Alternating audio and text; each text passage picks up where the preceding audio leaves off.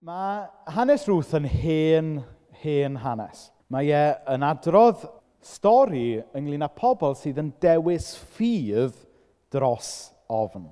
Mae e'n hanes sydd ynglyn ag ymwneud dew yn arbennig gyda gwraig o'r enw Naomi a'i merch yng nghyfraith o'r enw Ruth. Mae hwn yn hanes sydd yn dangos sut mae goleuni dew yn gallu dangos ei hun trwy y tywyllwch mwyaf. A mae'r hanes yma'n dysgu ni fod dew, yr un dew, yn dod â gobaith i wraig o Fethlehem ac hefyd i wraig o Moab. Un dew yn dod â gobaith i ddwy wraig o gefndiroedd gwahanol, o genhedloedd gwahanol. A mae'r un dew yn dymuno dod a gobaith mewn i'n bywyd ni. Mae hwn yn hanes ynglyn â dew sydd yn cymryd ochr y tlawd. Dew sydd yn cymryd ochr y diobaith, yn cymryd ochr y newynog, y ffoadur, ac yn cymryd ochr merched, a hynny mewn cymdeithas batriarchiaidd iawn. Mae hwn yn hanes sydd yn gorfodi ni ddynion i weld yn patriarchiaeth am beth yw e yn aml, sef pechod, neu o leia canlyniad pechod. Ond mae hwn yn hanes sydd yn dangos fod Dyw yn gallu troi stori o gwmpas. Ac felly mae e'n clymu gyda be fi'n ni'n gweddio amdano munud yn ôl. Dyma hanes taith ffydd Naomi a Ruth efo Dyw, ond hefyd mewn ffordd dyma'n hanes ni. Achos yr un Dyw sydd yn dymuno gwau i hun mewn i stori bob un ohono ni. So, da ni wedi cyrraedd yr ail benod yn yr hanes erbyn hyn, felly dwi am ddarllen rhan o'r ail benod. Dwi ddim yn mynd i ddarllen y benod i gyd, ond ni'n mynd i neidio. So, rwth penod 2. Roedd gan Naomi berthynas i'w gŵr o'r enw Boaz. Roedd yn ddyn pwysig, cyfoethog, ac yn perthyn i'r un teulu ag Eli Melech. Dyma rwth y foabes yn dweud wrth Naomi, gad i mi fynd allan i'r ceiau i gasglu grawn, tu ôl i bwy bynnag fydd yn rhoi caniatad i mi. Dos di fy merchu, meddai Naomi, felly aeth Ruth i'r ceiau i gasglu grawn ar ôl y gweithwyr. Ac yn digwydd bod, dyma hi'n mynd i'r rhan o'r cae oedd Pia Boaz, perthynas Elimelech. A phwy fyddai'n meddwl? Dyma Boaz yn dod o Fethlehem a chyfarch y gweithwyr yn y cynheiaf. Dyw fyddo gyda chi, meddai wrthyn nhw.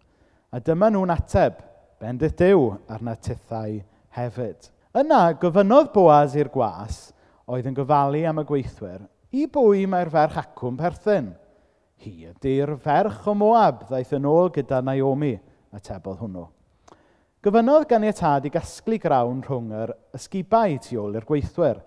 Mae hi wedi bod wrthi'n ddi-stop ers ben bore, a dim ond newydd eistedd i orffwys. Dyma Boaz yn mynd at rwth a dweud, Gwranda fy merch i Paid mynd o'r fan yma i gau neb arall i gasglu grawn. Aros gyda'r merched sy'n gweithio i mi. Sylwa ble fydden nhw'n gweithio a'i dilyn nhw. Byddai'n siarsio'r gweithwyr i beidio dy gyffwrdd di. A phan fydd syched arna ti, dos i gael diod o'r llestri fydd fy ngweisio ni wedi ei llenwi. Wedyn neidio i ddiwedd y benod i adnod 17.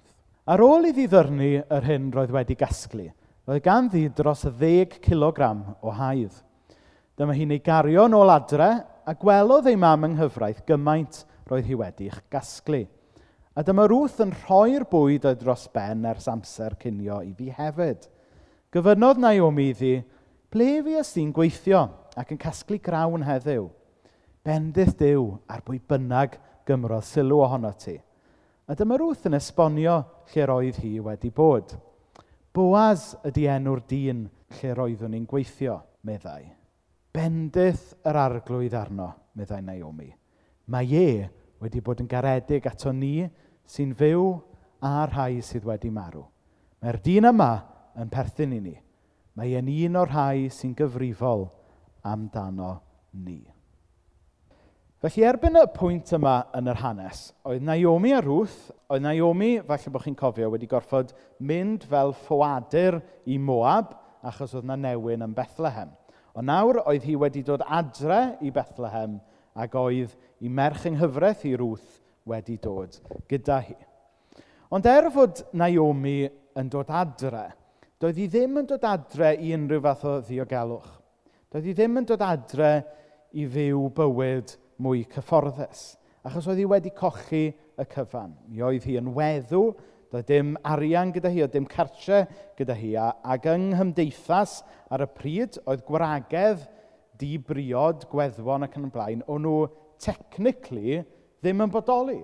O'n nhw'n is, oedd dim statws cyfreithiol gyda nhw. Felly er fod Naomi'n dod adre, mae'n dod adre i ddyfodol ansicr iawn. Ond, Mi oedd Israel, mi oedd ganddyn nhw ddeddfau mewn lle er mwyn darparu i'r tlawd a'r anghennis yn eu plith nhw.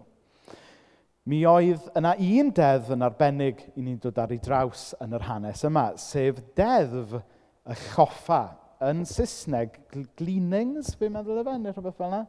Ac sef, basically, beth oedd oedd? Rhyw fath o ddeddf oedd yn rhoi hawl i bobl tlawd a bobl anghenus gael mynd ar ôl unrhyw fwyd oedd ar ôl yn y ceiau ar ôl i'r ffarmwr wneud i, sort of, i sweep cyntaf trwy y ceiau. Ac i ni'n darllen am hyn yn Leviticus 19. Pan fyddai'n casglu'r cynheiaf, rhaid i ti beidio casglu'r cwbl o bob cornel o'r cae. A ffaid mynd trwy'r cae yn casglu popeth sydd wedi adael ar ôl. Paid casglu'r grawnwyn sy'n dy wynllan i gyd, a phaid mynd drwy'r wynllan yn casglu'r ffwyth sydd wedi disgyn ar lawr. Rhaid i ti adael peth i bobl glawd, ac i rhai sydd ddim yn bobl Israel. Fi ydy'r arglwydd dy ddiw di. Mae'n ddiddorol yn dydy yr canllaw yma oedd yn rhan o ddeddf Moses. Dyma oedd gwladwriaeth les Israel. A hyn filoedd o flynyddoedd cyn i genhedloedd eraill gael y syniad o wladwriaeth les. A mae'n dangos yn dydy sut mae'r syniad yma fod Dyw yn ddiw cyfiawnder sy'n darparu'r tlawd, sy'n darparu i'r anghenus o gwmpas cyn bod athronwyr rhamantaidd yr oleadigaeth wedi dod lan â syniadau fel hyn. Mae pobl yn meddwl bod syniadau fel hyn yn rhyw syniad nath Karl Marx a'i debyg rampio fyny 200 mlynedd yn ôl, ond na. Mae syniad o ddarparu'r tlawd, ddarparu'r anghenus, mae e'n dod o galon y creawdwr i hun. Ac ni'n gweld fan hyn, filoedd o flynyddoedd yn ôl, bod na ddarpariaeth i'r tlawd yng nghenedl Israel. A mi oedd hwn yn un o'r pethau oedd yn gwneud Israel yn wahanol i'r cenhadloedd eraill o'i hamgylch nhw mi oedden nhw'n genedl oedd yn sefyll allan ac un o'r pethau oedd yn neud iddyn nhw sefyll allan oedd y ffordd oedden nhw'n trin y tlawd, yr anghenus a tramorwyr o'i plith nhw. A mae pobl yn dweud heddiw yn dydy, mae y ffordd ar chi farnu cenedl neu cymdeithas ydy sut maen nhw'n trin y tlawd yr anghenus a'r ffoaduriaid yn eich plith chi. A chi'n gweld iawn fod y cwestiwn yma'n gwestiwn perthnasol iawn yn yn cymdeithas ac yn yn gwlad ni heddiw. Gyda'r holl gwmpo mas ynglyn â Brexit ac yn y blaen, a beth faint o bobl o wledydd tramor i ni'n gadael mewn, a sut i ni'n gofalu ar ei hôl nhw ac yn y blaen, wel, ni'n gweld fod gan ddew beth bynnag galon dros y bobl yma. A fe ddyle fe siapio'n meddyliau ni fel Cresnogion a fel eglwys ynglyn â beth yw yn hagwedd ni tuag at y mwyaf bregus mewn cymdeithas hefyd. Felly, yn yr hanes yma, ni'n gweld fod Naomi a Ruth yn gallu darparu iddyn nhw eu hunain oherwydd y ddarpariaeth yma sydd yn neddfe Israel i ddarparu bwyd ar gyfer y tlawd a'r anghennis. Ond eto hanner y stori yw hynny. Er bod Ruth a Naomi yn gallu mynd i'r ceia a helpu hunain i, i faint bynnag o rawn oedd ar ôl, mae'n siŵr oedd yna gywilydd a stigma dal ynghlwm ar peth, yn doedd? Dychmygwch nawr, oedd Naomi arfer bod yn wraig o statws yng nghymuned Bethlehem. Ond nawr dyma hi'n gorfod mynd i'r ceia i hel faint bynnag o rawn oedd ar ôl. Allwch chi ddychmygu Felly'r cywilydd oedd, oedd rhaid iddi hi a wrth frwydro trwyddo fe. Oedd mi oedd yna ddarpariaeth materol fel petai. Ond eto, mi oedd dal y cwestiwn o'i hirddas hi. Oedd dal cwestiwn o'i hunan barch hi. Ond beth sy'n newyddion da yw fod Dyw ddim jyst yn darparu ar gyfer i hanghenion materol nhw, ond mae Dyw yn y busnes hefyd o hadfer i hirddas nhw, o roi dignity yn ôl iddyn nhw fel gwragedd. Mae hynna mor bwysig i ni gofio. Er yn bod ni fel Cresnogion ac er yn bod ni fel Eglwys yn cael yn cymell gan y gair i gymryd ochr y tlawd, i fod yn rhan o weith, weithgaredd a cenadaethau sydd yn darparu ar gyfer y gwan mewn cymdeithas, a mae'r banc bwyd yn enghraifft amlwg o hyn. Eto, da ni'n gwybod yn dyna fel Cresnogion, mae dim ond hanner y stori ydy rhoi bwyd a moli pobl. Fel Cresnogion, da ni hefyd yn cael yn galw i fwydo enaid pobl. Un peth ydy rhoi darpariaeth materol i rhywun, ac ie, fyna dylen ni falle ddechrau. Ond mae'r efengol grisnogol ynglyn â rhoi urddas a pwrpas i fywyd rhywun hefyd. Mae'r ma, newyddion da ynglyn â Iesu Grist yn newyddion da i'r person cyfan. I corff nhw materion corfforol ie, ond hefyd bwydo yr enaid hefyd. A dwi'n meddwl bod hwn yn rhywbeth mor bwysig i ni fel Grisnogion gofio. Mae Cresnogaeth yng Nghymru wedi tueddu i ddewis un dros y llall. Yn gyda chi rhai traddodiadau Cresnogol, sydd falle wedi rhoi y pwyslais i gyd ar yr ochr gymdeithasol o'r ffydd grisnogol, bod ni fod helpu pobl, bod ni fod darparu i bobl, bod ni fod codi arian i achosion da. A'r traddodiad yma mae haneswyr yn galw yn yr yfengil gymdeithasol. Ond falle bod y traddodiad yma, falle wedyn, wedi esgeluso yr ochr ysbrydol, fod Dyw yn rhoi bywyd tragwyddol i bobl a bod Dyw wedi ddiddordeb yn hynny. Wedyn, mewn gor ymateb i hynna fi, oedd yna draddodiad chrysnogol arall, oedd yn dweud, wel na, newn ni adael yr ochr gymdeithasol i'r byd. Nawr bod, chybod, nawr bod y wladwriaeth les wedi sefydlu, nawr bod, chybod, Cyr Hardy a, a Neirin Befan a'r lot yna, they've, they've got that covered. Newn ni ganolbwyntio ar just pregethu, just y gair Ond y gwir amdani yw, mae'r ddau begwn yma yn ei camgymeriad yn dydyn. Achos mae Cresnogaeth feiblaidd o ddeddfa Moses ymlaen i be oedd y proffwydi yn ei bregethu, ymlaen i beth oedd Iesu yn ei bregethu, ymlaen i fywyd yr eglwys fore, yn efengil sydd ynglyn a darparu'r person cyfan. Darparu ar gyfer anghenion materol rhywun, ond hefyd materion ysbrydol rhywun. Does dim rhaid i ni ddewis un dros yr llall. Mae'r newyddion da grisnogol yn newyddion i'r person cyfan. Ac i ni'n dechrau gweld hwnna fan hyn yn hanes Ruth a Naomi. Oes mae yna ddarpariaeth ymarferol iddyn nhw, mae Dyw yn darparu bwyd iddyn nhw. Ond yn fwy na hynny, mae Dyw yn darparu at eu lles ysbrydol nhw ac mae e'n hadfer i hurddas nhw fel pobl sydd wedi ei greu ar ei lun a'i ddelw fe. Nawr ffordd da ni'n gwybod fod Dyw yn gwau hun mewn i'r stori. Dwi'n mynd licio sut mae Arfon wedi cyfeithi enw Boaz, a well gynnau'r Z. Boaz. Mae'n syndio fel enw rapper. um, dyma Ruth yn dweud fel hyn. Yn digwydd bod, dyma ni mynd i'r rhan o'r cae oedd Pia Boaz yn digwydd bod. How naif. Dim yn digwydd bod. Mae Dyw yn gwybod beth mae o'n gwneud fan hyn. Mae, mae plan mawr Dyw, mae rhagluniaeth mawr Dyw i achub ac adfer urddas Naomi a Ruth ar waith fan hyn. Ac i ni falle'n gallu meddwl bod pethau'n digwydd bod yn digwydd yn ein bywyd ni. Ond sdim byd, sy'n fath beth a lwc i gael. Ond mae yna ddiw i gael sydd yna yn y dirgal weithiau, yn dod â chwybrau bywyd at ei gilydd. Ac yn y fan hyn, mae Dyw yn defnyddio Boaz i ofalu ar ôl Ruth a Naomi. Ac oedd Boaz, oedd e'n ddyn pwerus, oedd e'n ddyn cyfoethog, oedd e'n ddyn o statws.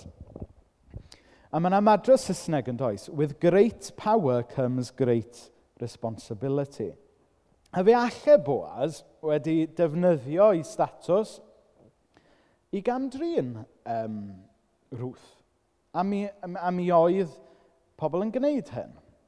Ond nad oedd ddim yn gwneud hynny. Pam? Oherwydd bod e'n ŵr oedd yn ofn dew. Mae e'n gofalu ar ôl Ruth, mae e'n darparu ar ei chyfer hi. A wedyn, mae Ruth yn hel y bwyd yma i gyd at ei gilydd, mae'n mynd adre, at Naomi a mae'r sgwrs yn mynd fel hyn. Ble fi os ti'n gweithio ac yn casglu grawn heddiw? Bendydd Dyw ar er bwy bynnag gymerodd sylw ohono ti, a dyma rwth yn esbonio lle roedd hi wedi bod. Boaz ydi enw'r dyn. Wedyn mae Naomi mynd ymlaen i ddweud, Bendydd yr arglwydd arno, meddai Naomi. Mae e wedi bod yn garedig ato ni sy'n fyw a'r rhai sydd wedi marw. Mae'r dyn yma yn perthyn i ni mae e'n un o'r rhai sy'n gyfrifol amdano ni. Nawr chi'n sylwi ar y bit, bendith yr arglwydd arno, meddai Naomi, mae e wedi bod yn garedig ato ni. Nawr mae'n debyg yn yr Hebraeg gwreiddiol bod yna bach o amwysedd pwy ydy'r e. Ydw e'n siarad am, ydy hi'n siarad am Boaz, yw hi'n siarad am ddiw. Ond falle bod yna rhyw bwrpas yn yr amwysedd yna. Achos Duw sy'n tu ôl popeth da. Ond mae Duw yn aml yn defnyddio pobl yn dydy i ofalu ac i ddangos i gariad i bobl eraill. Mae Dyw yn defnyddio Boaz fel un sydd wedi greu ar ei lun a'i ddelw fe fel ffordd o fendithio Ruth a Naomi. A mae hwn yn Saesneg, mae ma fel bod Dyw yn bendithio drwy ei image bearers oedd yn yr esboniad Beiblaidd. Ond ni'n stryglau fel, be fysa hwnna'n Gymraeg? Achos fatha, oedd Google Translate a cysger oedd yn troi mewn i fatha um, delwau ohono. Ond, ond, ond mae'n swnio'n iawn yn Saesneg. Yn yw, da ni yn image bearers o ddew. Am hwnna'n anhygoel yn dydy. A mae Duw sy'n tu ôl popeth da. Duw sy'n tu ôl bob cariad. Duw sy'n tu ôl bob bendith. Ond yn ei gynllun mawr hyfed da ni ddim yn deall, mae e'n dewis defnyddio ni i fendithio pobl eraill. A mae hwnna'n rhoi pwrpas ag urddas i bob un ohono ni. Felly, os da chi beth mewn sefyllfa le chi'n ffeindio'ch hunain gofalu ar ôl rhywun, yn darparu ar gyfer rhywun, i'r person yna, dych chi'n gweinyddu bendith y cariad Dyw. Mae hwnna'n anhygoel yn dydy. Mae'n rhoi gwerth a pwrpas anhygoel i ni. Felly mae Dyw fan hyn yn torri trwyddo mewn i hanes bywyd a stori Naomi a Ruth. A mae'r un Dyw yn dymuno torri mewn i fywyd pob un ohono ni. Mae'r un Dyw yn dymuno darparu i ni ar bob lefel Ond mae'r hanes yma hefyd jyst yn rhoi rhyw her genhadol i ni fel eglwys, yn dydy. Tymor yma, da ni'n edrych ar thema cenhadaeth. Ac i fi beth bynnag, mae'r mae genhadaeth grisnogol, mae'n gorfod bod yn rhywbeth eang iawn. Achos, da chi methu siarad yr efengil i rywun heb rhoi bwyd yn ei boliau. A da chi methu chwaith rhoi bwyd y mol rhywun heb hefyd ddweud am Iesu. Mae'r ddau beth i fi ac yn y Beibl yn dod law yn llaw gyda'i gilydd. A da ni'n gweld hwnna'n stori Naomi a Ruth. Ni'n gweld Dyw yn darparu iddyn nhw ar bob lefel. A ddyle hwnna fod yn her ac yn ffordd da ni yn gweld yn pwrpas ni yng Nghernarfon ac yn y byd. So, ni jyst cael gair o weddi nawr, a wedyn newn ni, newn ni droi at swper yr arglwydd o ddiw dad, da ni yn diolch fod ti wedi dangos dy gariad i Ruth a Naomi i ddechrau mewn ffordd hollol ymarferol. A ni'n gofyn i ti helpu bob un ohono ni jyst i gyflwyno pethau bob dydd, pethau ymarferol bywyd i ti.